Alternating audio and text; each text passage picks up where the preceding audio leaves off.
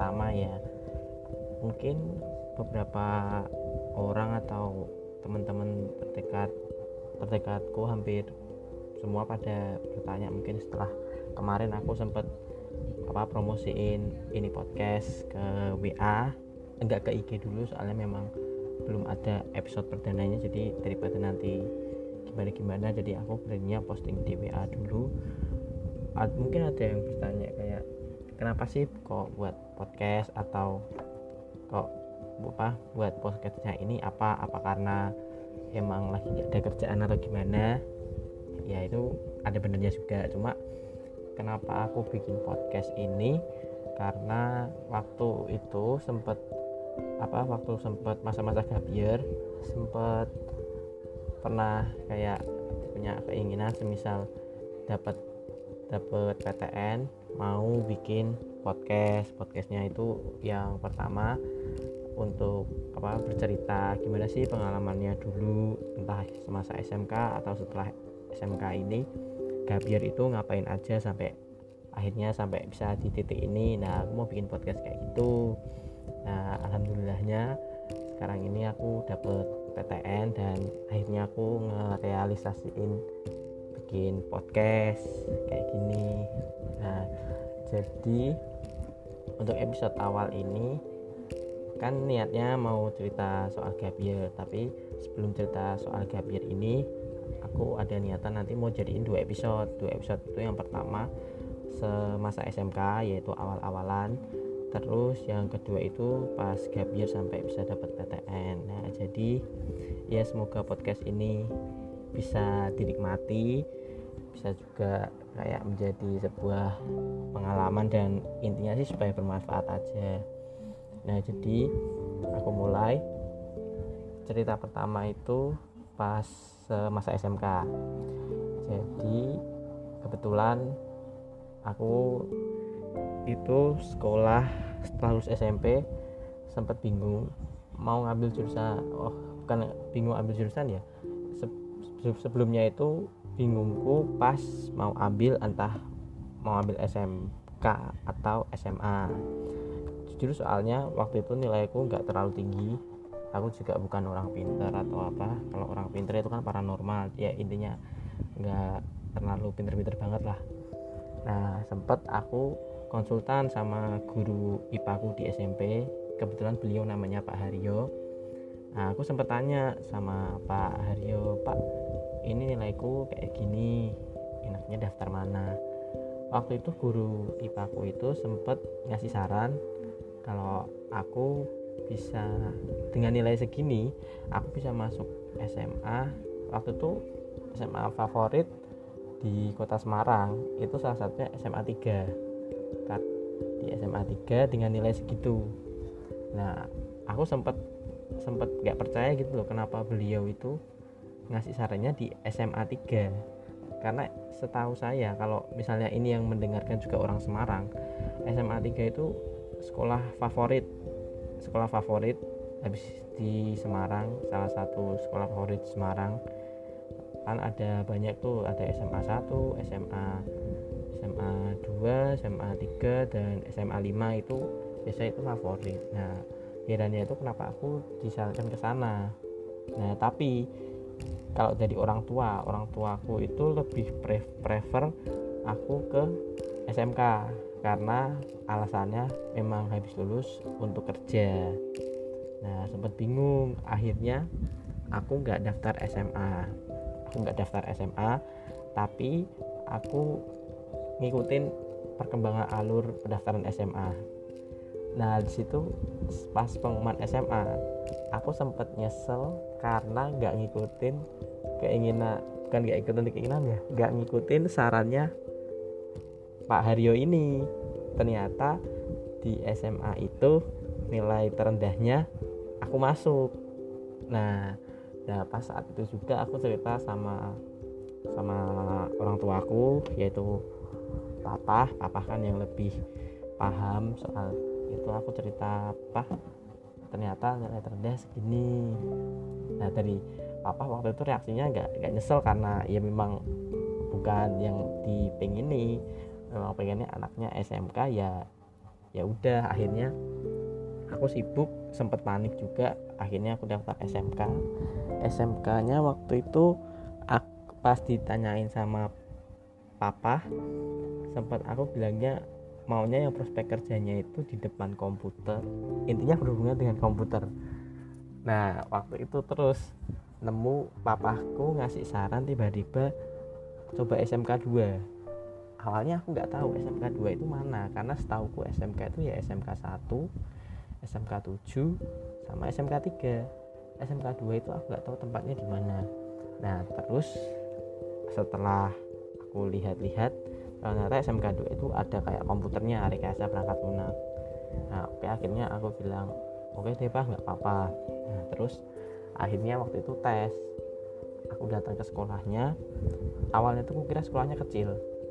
Tapi ternyata setelah masuk ya lumayan cukup besar ya untuk untuk halaman halaman untuk upacaranya. Nah waktu itu aku sempat ya biasa kayak ya ini kan SMK sekolah biasa nah ternyata pas waktu hari tesnya itu aku sempat kaget ternyata peserta tesnya itu kebanyakan cewek. Aku sebenarnya ya gimana ya kaget iya bingung iya karena waktu itu aku kira itu ini tuh sekolah umum karena kan namanya SMK SMK Negeri 2 Semarang kira itu sekolah umum. Ya terus ternyata apa sempat ada yang ngasih tahu kayak kaget gitu kok aku masuk SMK 2 nah aku sempat bingung kenapa kaget? Nah ternyata memang ya itu jawabannya ada di tes itu. Nah terus aku aku tes. Setelah tes tes tes nunggu pengumuman dan alhamdulillahnya aku dapat SMK 2 di jurusan yang kedua yang rekayasa perangkat lunak. Aku dapat sebenarnya itu jurusan pilihan kedua. Pilihan pertama aku itu akuntansi. Ya sempet ngerasa kesannya kayak terbuang dari akuntansi tapi ternyata ada sisi yang bisa dibanggain yaitu waktu itu RPL itu masih satu kelas isinya 36 36 itu direbutin direbutin beberapa ratus orang gitu dan aku terpilih dan itu cukup ya membuatku cukup bisa melupakan akuntansi gitu ya. Nah akhirnya aku daftar ulang di SMK 2 itu. Nah orang tua ya senang terus akhirnya langsung apa langsung persiapan gitu untuk bisa masuk ke sana. Nah awalnya aku masuk yaitu pas MPLS isinya itu cewek semua. Dan ternyata siswanya kalau dihitung-hitung satu angkatanku itu ada 412 412 cowoknya hanya 17 itu bisa dibayangin betapa betapa indahnya dunia itu ya kalau sekolah di situ laki-lakinya. Nah terus habis itu singkat cerita aku kenalan sama teman-teman ini ini ini teman-teman cewek terus ada juga teman-teman cowok terus teman-teman cowok itu kalau di kelasku itu aku dapatnya cuma 7 jadi kelasku itu siswanya ada 36 dari 36 siswa itu 7 di antaranya itu cowok. Nah cowoknya itu sukanya gerombol maksudnya gerombol tuh kayak ya jajan sama cowok-cowok. Sering ke kantin juga sama cowok-cowok. Ya ya gitu. Nah terus kebetulan juga semenjak kelas 1 SMK itu aku cukup aktif di organisasi pertama. Organisasi yang aku ikutin itu yang pertama OSIS. Karena dulu SMP aku juga ikut OSIS. Nah akhirnya aku daftar OSIS juga. Alhamdulillah waktu itu keterima. Di si apa aku lupa. Intinya intinya osis. Habis itu terus daftar di koperasi siswa. Koperasi siswa sebenarnya waktu itu aku daftar karena di koperasi siswa itu ada cuan-cuannya sedikit lah istilahnya. Ada kayak cuan-cuan kayak kita tuh bisa menghasilkan uang di sana. Nah aku cukup maksudnya berpikir kayak lumayan lah untuk tambah-tambah uang jajan. Habis itu yang ketiga ambalan nah jadi aku ikut 3 ekskul inti waktu kelas 7 eh kok kelas 7 kelas 10 kelas 10 itu aku ikut 3 ekskul inti. Selama satu selama satu tahun kayaknya satu tahun aku ikut osis kopsis koperasi siswa sama ambalan. Kalau ambalan itu aku sukanya di ambalan itu karena ada saya sesi jalan-jalan terus ke pramukaan-pramukaan gitu sebenarnya cukup excited.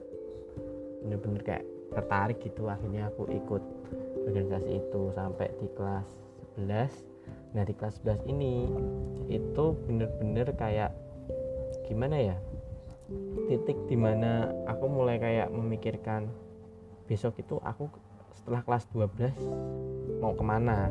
Karena waktu itu kelas 11 itu aku punya kenalan kakak kelas namanya Mazul Mas biasa aku panggil Mazul. Itu kayak dia udah mulai mengenalkan aku sama dunia dunia kampus. Kayak dunia jalur masuk tes jalur masuk tes. Jadi kayak ada UTBK, SNMPTN dan segala macam. Itu aku mulai dikenalin sama Mazul ini.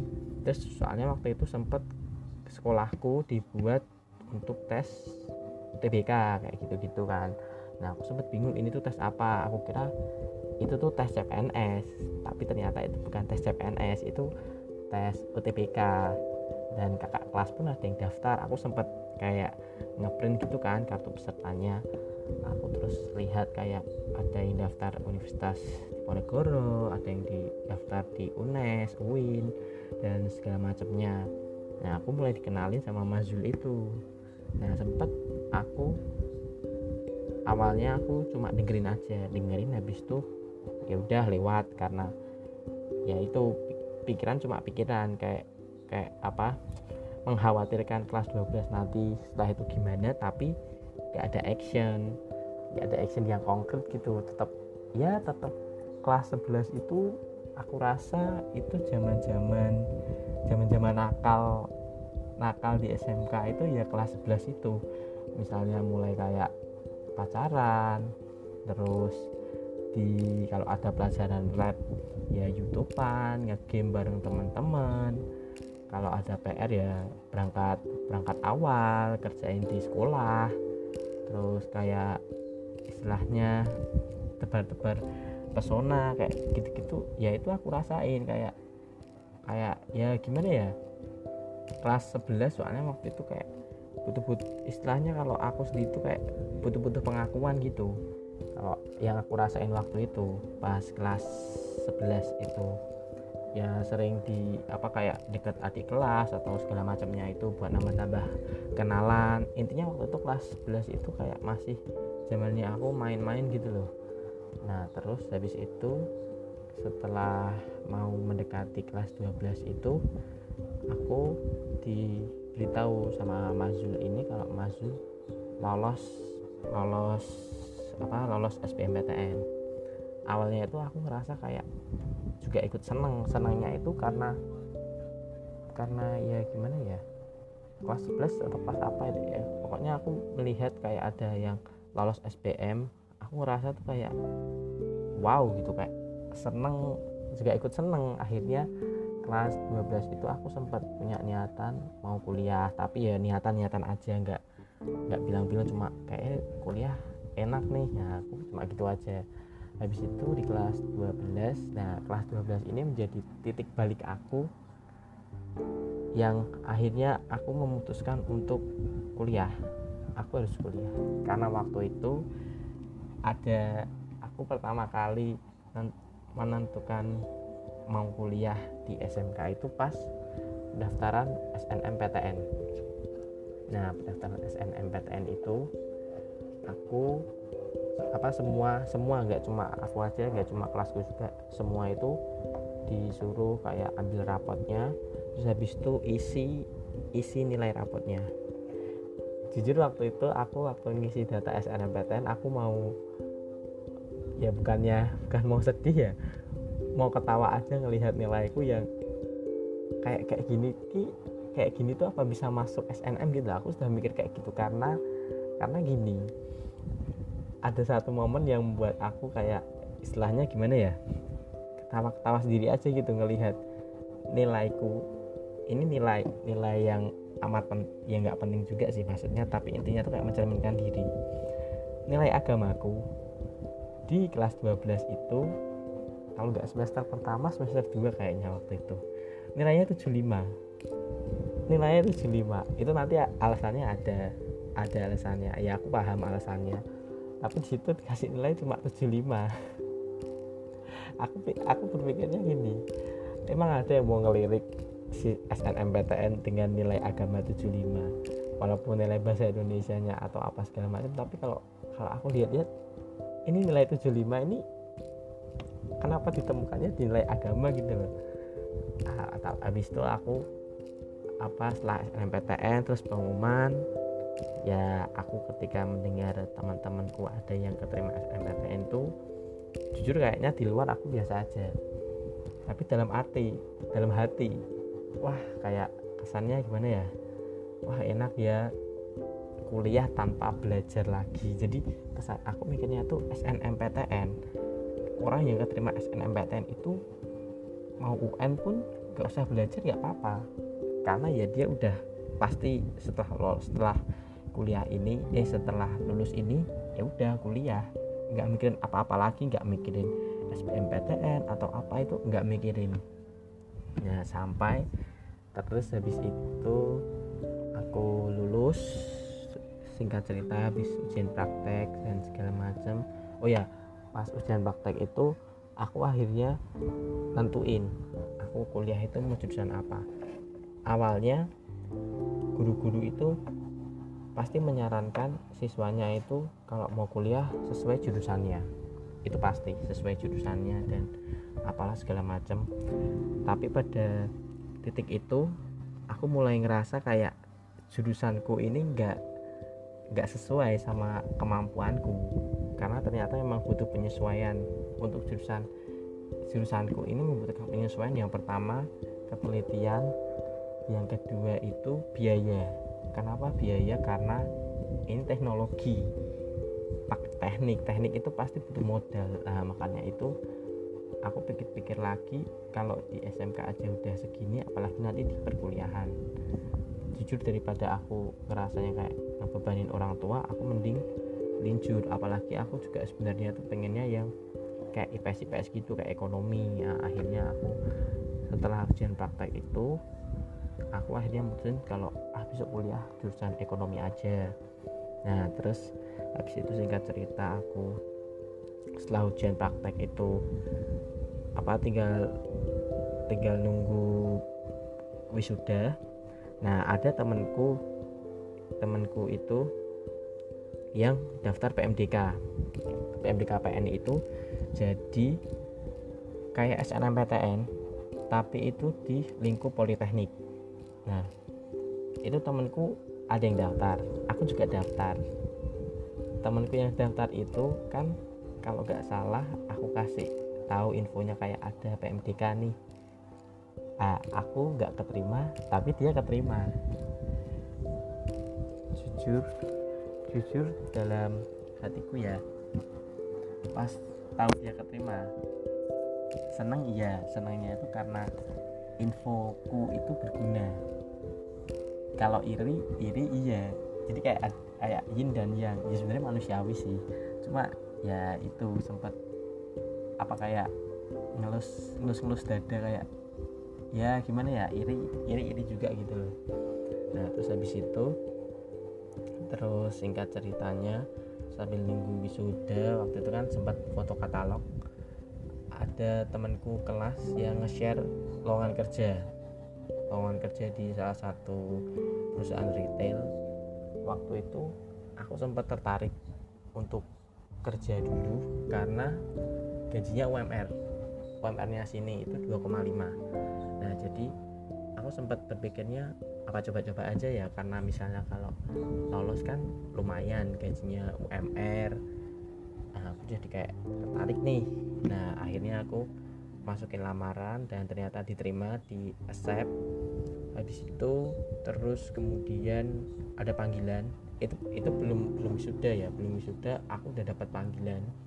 Panggilan untuk tes. Nah tes aku inget banget tes tesnya waktu itu aku pas rilisan film Avengers Endgame eh kok Endgame? Apa ya? Iya iya Endgame bener uh, Endgame Avengers Endgame. Aku aku waktu itu nonton setelah nontonnya itu setelah aku tes tes itu tes kerja. Nah, habis itu apa namanya setelah itu habis itu wisuda. Nah, wisuda sebelum wisuda itu aku sempat kayak terpukul. Terpukulnya itu bukan masalah sekolah tapi masalah percintaanku. Nah jadi ya, titik titik awal aku memutuskan gap itu di sini. Yang tadinya aku bersemangat ingin kuliah nah ternyata ada hal-hal yang tidak terduga terjadi. Kayak ditinggal ditinggal ya itu orang yang sempat deket selama tiga tahun sama aku. Aku ditinggal. Jadi kayak kesannya dia lebih memilih yang lain daripada aku. Itu sempat membuat aku terpukul kayak aku ini gimana ya membuat aku berpikir kalau aku tuh gagal dalam apa mempertahankan seseorang itu aku gagal. Nah itu sempat membuat aku tertekan waktu itu aku nggak bilang orang tua nggak bilang orang tua kenapa aku akhir-akhir waktu itu akhir-akhir waktu itu sering apa telat makan terus nggak main nggak sering nggak main sama teman-teman lagi. Biasa kan kalau di rumahku itu sering rame yang datang teman-teman teman-teman SMP nah tapi pas kejadian itu kayak ya aku nggak main dulu jadi aku di kamar di kamar terus pergi sendirian ke PSB itu orang tua sempat bingung kenapa. Sebelum aku menceritakan itu orang tua sempat bingung tapi aku berusaha untuk diam. Sampai pada titik tertentu pas waktu mau ke Jogja kalau nggak salah. Waktu mau ke Jogja itu aku akhirnya cerita kalau aku sudah nggak sama dia lagi itu situ sempat aku sedih sedih ya karena waktu itu pemikiranku belum terlalu terbuka. Masalah-masalah kayak gini pemikiranku belum terlalu terbuka